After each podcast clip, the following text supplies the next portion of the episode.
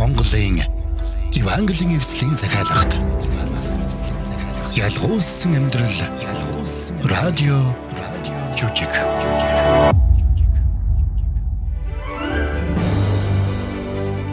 Ялгуулсан амьдрал. Түүхэн радио жүжиг эхэлж байна. Өнөөдрийнхөө эзэнтэй уулзсан хүмүүсийн тухай түүхэн радио жүжигээрээ нэгэн төрөлхийн сохор хүн Есүстэй уулзсан уулзалтын талаар сонсох болно. Есүс болон шашны эрх мэдлтнүүдийн хоорондын зөрчил улам хурцдсаар байлаа. Есүс сургаалаа айлдахдаа Мурхны хүүгийн ёсоор эрх мэдлтэйгээр айлдж байсан юм. Тиймээс ч ихэнх шашны тэргүүнүүд тэрнийг замаасаа зайлуулахыг хүсэж байсан. Тэд өөрсдийн тогтсон уламжлалыг өөрчлөхөөс цааргалж байснаас гадна аврагч Месиягийн тухай өөрсдийн өрөөсгөл ойлголтоо өөрчлөхийг огт хүсэхгүй байсан байна. Харин тэдний энэхүү хатуу ойлголтод Есүс огт нийцэхгүй байжээ. Нэгэн амралтын өдөр Есүс төрөлхийн хараагүй сохор хүнтэй тааралддаг. Тэр хүн өөрийнхөө гим нүглийн улмаас сохор төрсөн юм уу? Эсвэл эцэг эхийнх нь гим нүглийн улмаас тэр үү гэж Есүсийн шавнар нь тэрнээс асуудаг. Харин Есүс энэ хоёр асуултын аль альнийг нь үгүйсгэж тэр хүний нөхцөл байдлаар дамжуулаад Бурхны ажлууд хийгдэх болно гэдгийг тэдэнд тайлбарлаж өгсөн байна. Тэгээд Есүс газар руу нулимж шороогоор шавар зураад тэр хүний нүдийг шавж тэрнийг Силомын цөөрөнд очин угаахыг тушаадаг. Тэр хүн ч Есүсийн хэлснээр хийсэнд хараа оржээ. Харин хүмүүс тэрнийг гайхамшигтайгаар эдгэрсэнд итгэсэнгүй. Түүнийг өөр хүн байна гэж боддог. Тэгээд тэд түүнийг фарисеучуд дээр авчирхад фарисеучуд Есүсийг амралтын өдөр хүн эдгээсэн учраас Бурханаас ирсэн хүн биш хэмээн буруутгасан байна. Харин тэр бүх гайхамшигыг хөндлөнгөөс харсан хүмүүс Есүсийг Бурханаас ирсэн нэгэн мөн гэдэгт итгэлтэй байлаа. Ингээд фарисеучуд мөнөөх хараа орсон хүнийг байцааж тэрч битгийхэд эцэг эхийн хүртэл авчран давхар байцаажээ. Удалгүй тэд арга мухардсандаа төрөлхийн сохор байсан тэр хүнийг синагогоос хүн гаргадаг. Учир нь тэр Есүсийг нүгэлтэн гэдэгтээ санал нийлэхгүй байсан юм. Харин тэр хүнд юу тохиолдсныг Есүс олж мэдээд түүнтэй хоёр дахь удаага уулздаг. Тэгээд тэрэнд өөрийгөө Бурхны хүү гэдгийг илчилсэн байна. Тэнхүү өмнө нь төрөлхийн сохор байсан тэр хүн Есүст итгэж Есүсийг хүндлэн дээдэлсэн билээ. Ингээд энэхүү түүх хэрхэн яаж өрнснийг төрөлхийн сохор байсан Элия өөрөө бидэнд ярьж өгөхөөр бэлдсэн байна.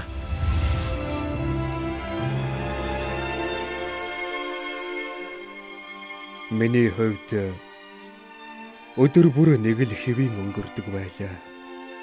Би өглөө босоод цайгаа уун. Тэгээд гудамжинд гарна. Өдрийн ихэнхийг би гудамжинд гуйлг гуйж өнгөрүүлдэг байлаа. Угаасаа өөр хийж чадах зүйл байхгүй шүү дээ. Энэ маягаар олон жил амьдэрсэн миний хувьд тэр нэгэн өдрийг бусдаас төсөөр өдөр байх юм чинээ санаагүй юм. Шашны тэргүүнүүдийн шүдний өвчин болсон Есүс гихч багш манай хотод байгаа гэдгийг би дуулсан ч түүнтэй уулзах завшаан огт гараагүй юм. Зарим нь түүнийг гайхамшигтай эдгээгч гэж байхад зарим нь түүнийг агуу багш гэж байлаа. Гэхдээ тэр хүмүүсийн үгэнд итгэх эсхээ би мэдэхгүй байсан юм. Харин тэр нэгэн өдөр надад ийм зүйл тохиолдсон билээ. Раби хэн нүгэл үйлснээс энэ сохор төрсөн юм бэ? Энэ өөрөө юу? Эцэг их нь үү? Петрэ. Энч эцэг ихэн ч нүгэл үйлдснээс болоогүй. Харин энэ бол бурхны үйлсийг түүгээр харуулахын тулд юм.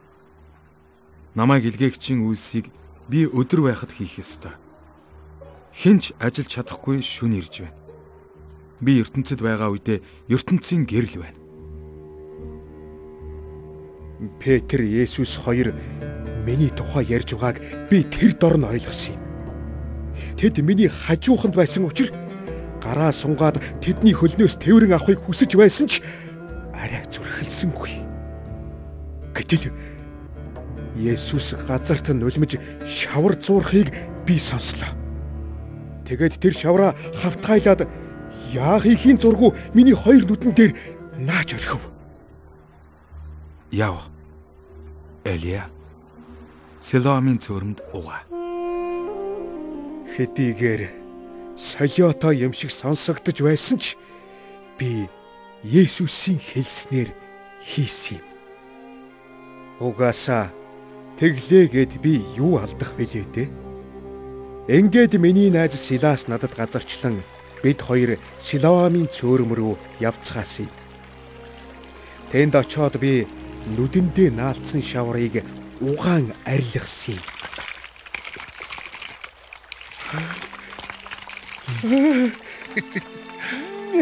Ялия.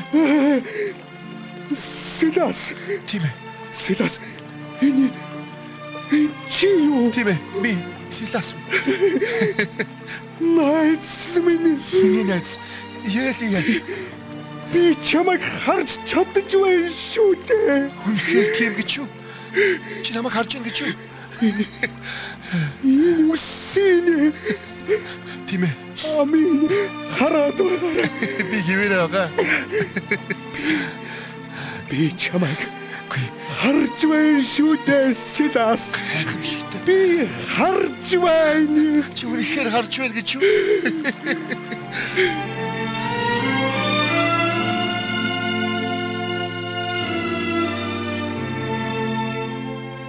Ингээд Силас бид хоёр хөлийнхөө хурдаар гүйж харлаа. Би өөрт тохиолдсон бүхнийг ээж аавда айл хөршийнхөндөө хэлэх гэхээс тэсэн ядаж байсан юм. Би чинь амьдралдаа анх удаа харж байна шүү дээ.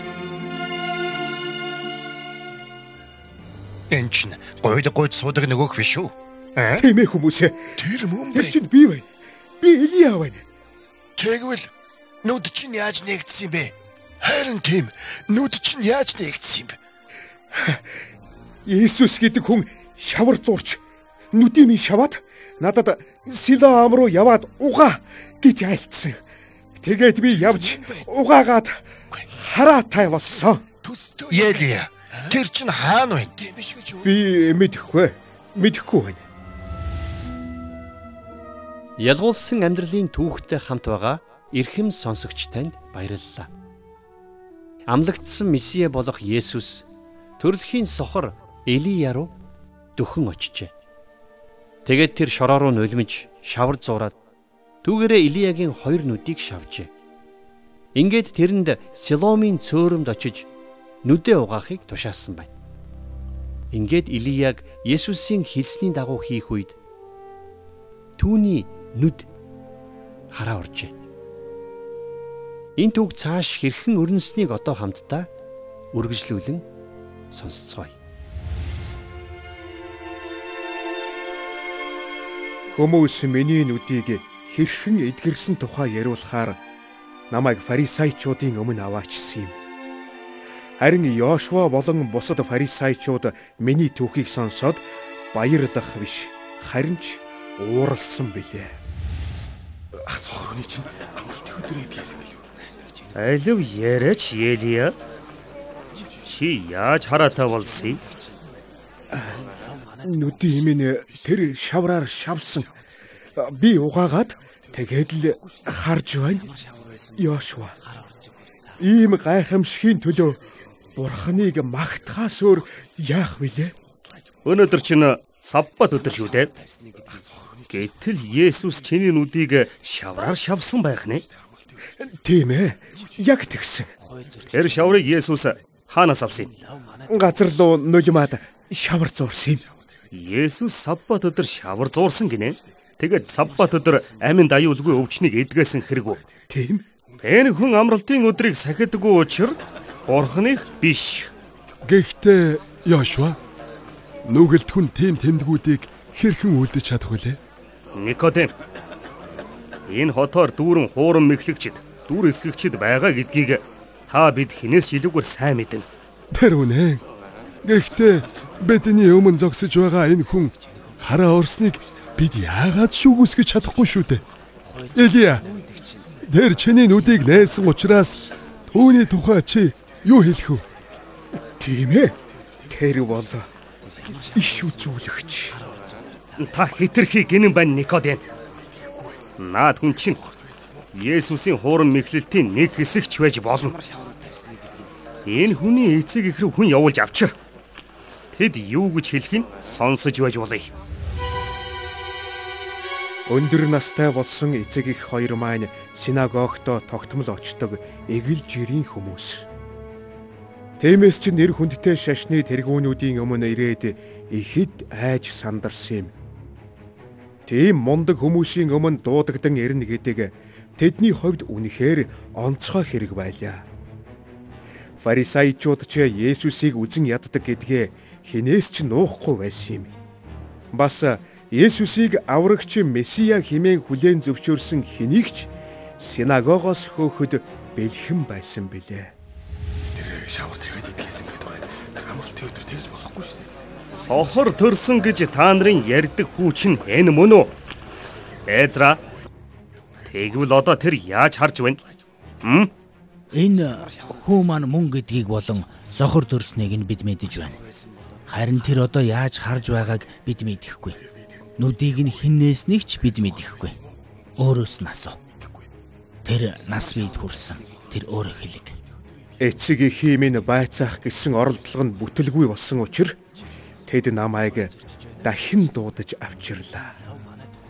Елия Бурханд алдрыг өрг. Тэр хүн нүгэлтэйг бид мэднэ. Йошуа. Түүний нүгэлтэн эсхийг би мэдэхгүй. Би нэг л юмыг сохор байснаа одоо харж байгаагаа л мэдэж байна. Тэр чамд юу үйлдсэн юм? Тэр нүдийг чинь яаж нээсэн бэ?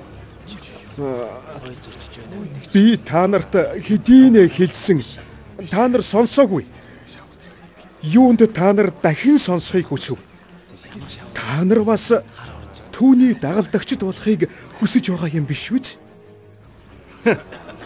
Чийл түүний дагалдагч байна. Харин бид Мосегийн дагалдагчд. Мосед Бурхны айлцныг бид мэднэ. Харин түүнийг хаанаас ирснийг ч бид мэдэхгүй. Тэр нүдий минь нээсэн байтал Та нар түүнийг хаанаас ирснийг чи мэдэхгүй байгаа нь гайхалтай юм байна. Бурхан нүгэлтнүүдийг сонсдгүй. Харин Бурханаас имэж хүслийн үйлдэгч хүнийг сонсдгийг бид мэднэ. Төрөлхийн сохор хүний нүдийг нээснийг цаг хугацааны эхлэлээс хойш хинч сонссоогүй. Энэ хүн Бурханаас ирээгүй юм бол тэр юу ч хийж чадахгүй байх байсан. Хм? Гэм нүгэлд төрсөн атлаа бидэнд заах нь чи? Ингээд тэд намайг синагогоос чирч гаргасан юм. Харин энэ тухай Есүс олж сонсоод над дээр дахин ирсэн юм. Харин түүний араас хэсэг фарисеучуд дагаж байжээ. Элия, чи хүний хүүд итгэж байна уу? Эзэн минь Тэр хэн бэ? Би түүнд итгэе. Чи түүнийг харсан. Одоо чамтай ярьж байгаа нь тэр мөн. Эцэг. Би итгэж байна. Би энэ ертөнцид шүүлтийн төлөө ирсэн нь хардгүйг хардаг, харагсдыг сохор болгохын тулд юм. Юу гинэ? Бид бас сохор байх нь уу? Йошуа. Хэрв та нар сохор байсан бол нүгэлгүй байхсан. Гэтэл та нар бид харж байна гэж ярьдаг тул нүгэл чинь байсаар л байна. Йошуа надад Бурхныг үннээр хүндлэн дээдлэх ёстой гэж сургаж байсан ч өөрөө үннийг хүлээн зөвшөөрөхийг хүсэхгүй байсан юм. Тэр зөвхөн өөрийнх нь төлөвлөгөөнд нийцсэн үгийг л сонсохыг хүсэж байлаа. Тиймээс тэр намайг Мосегийн биш, Иесусийн дагалдагч хэмээн буруутгасан юм. Гэсэн чи ертөнцийн гэрэл болсон Месиа болох Есүс миний нүдийг нээж өгөөд зогсохгүй. сүнслэг нүдийн минь нээж өгсөн юм. Харамсалтай нь Йошуа болон өөр олон хүн Есүсийн үннээс татгалзаж сүнсээрээ сохор байх сонголтыг хийсэн билээ.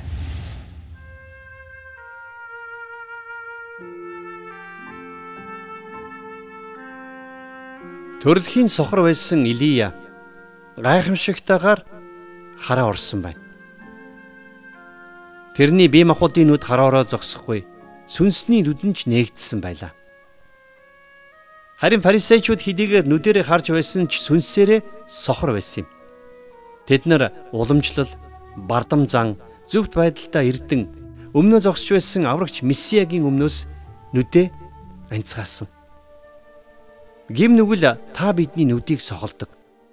Харин Есүс Христ бидэнд гэрлээ өгдөг.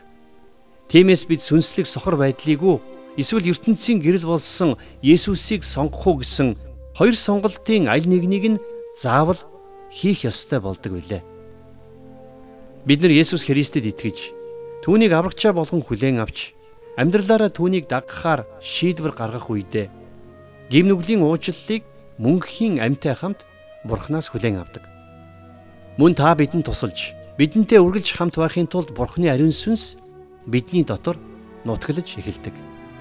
Тийм ч учраас Бурханы үгэнд айлдахдаа үүнчлэн сүнс бидний сул дорой байдалд тусалдгаа гэж бичсэн байна. Бурхан биднийг Есүс Христэд итгэх итгэл дотроо улам бүр өсч төлөвшөөсэй гэж хүсдэг.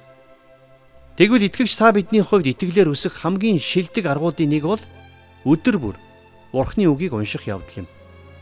Мөн итгэлээр өсөх нэг арга зам бол залбирал. Цаашлах юм бол бид гим нүглээс хол амьдрахыг хичээх ёстой. Хэрвээ гим нүгэл үлдэх юм бол бид Бурханаас уучлал өршөөлийг гуйдаг байх ёстой. Бид нар өдөр тутмын амьдралдаа Бурхны өдөрдмжийг эрэлхийлж Бурхны өдөрдмжаар амьдрах ёстой. Түүгээр зогсохгүй бусдын төлөөч залбирдаг байх ёстой юм а. Есүсийг даган амьдрах амьдрал дандаа амар хялбар байдаггүй. Заримдаа итгэгчид бид нар Христийг дагсныхаа төлөө бусдад хавчигдан гадуурхагдах үеч бий. Хүмүүс биднийг хавчиж гадуурхах үед Харин бид нар гайхаж цочирдох хэрэггүй. Учир нь эзэн Есүс хэлэхдээ тэд намайг хавьдсан бол та нарыг бас хавчих болно.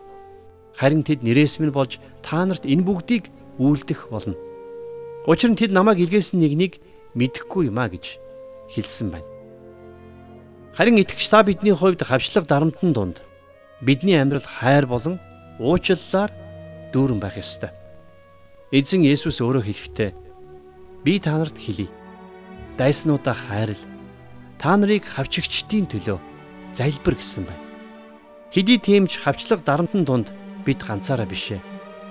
Та бидний амьдрал тулгарх зовлон бэрхшээл нэг бүрийг Бурхан маш сайн мэддэг. Тэр үргэлж бидэнтэй хамт байдаг. Тиймээс Бурхан бидэнд хандан би чамайг хизээч орхихгүй, чамайг хизээч хаяхгүй гэж амласан юм.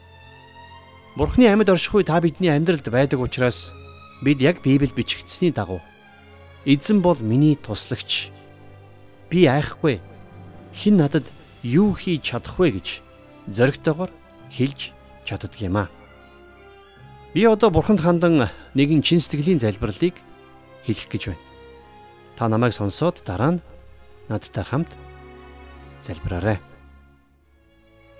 Эзэн Есүс минь ээ Миний амьдралд орж ирсэн танд баярлалаа. Та намайг итгэлээр өсгөд минь туслаач. Амьдралд минь хавчлага дарамт ирэх үед намайг хүчтэй байлгаж өгөөч. Намайг хизээч ганцааран минь орхихгүй гэж амласан учраас танд баярлалаа. Амен. За одоо та энэхүү залбирлыг намайг дагаад хэлээрэй. Ингэж хэлэхдээ та өөрийнхөө чин зүрхсэтгэлээр бурханд хандан залбираарай. Эзэн Есүс минь ээ. Амьдралд минь орж ирсэн танд баярлалаа. Намайг итгэлээр өсгөд туслаач. Амьдралд минь хавчлага дарамт ирэх үед намайг хүчтэй байлгаач. Та намайг хизээч орхихгүй гэж амласан учраас танд баярлалаа. Амен. Энэхүү залбирлыг надтай хамт хийсэн танд баярлалаа. Бурхныг даган амьдрах амьдралын чинь өдөр хоног болгоныг эзэн Есүс Христ дүүрэн ивэж ерөөх болтугай. Дараагийн дугаараараа бид Есүсийг оройн зоогт өрссөн нэгэн фарисей хүний тухай дүүхийг хамтдаа сонсох болно.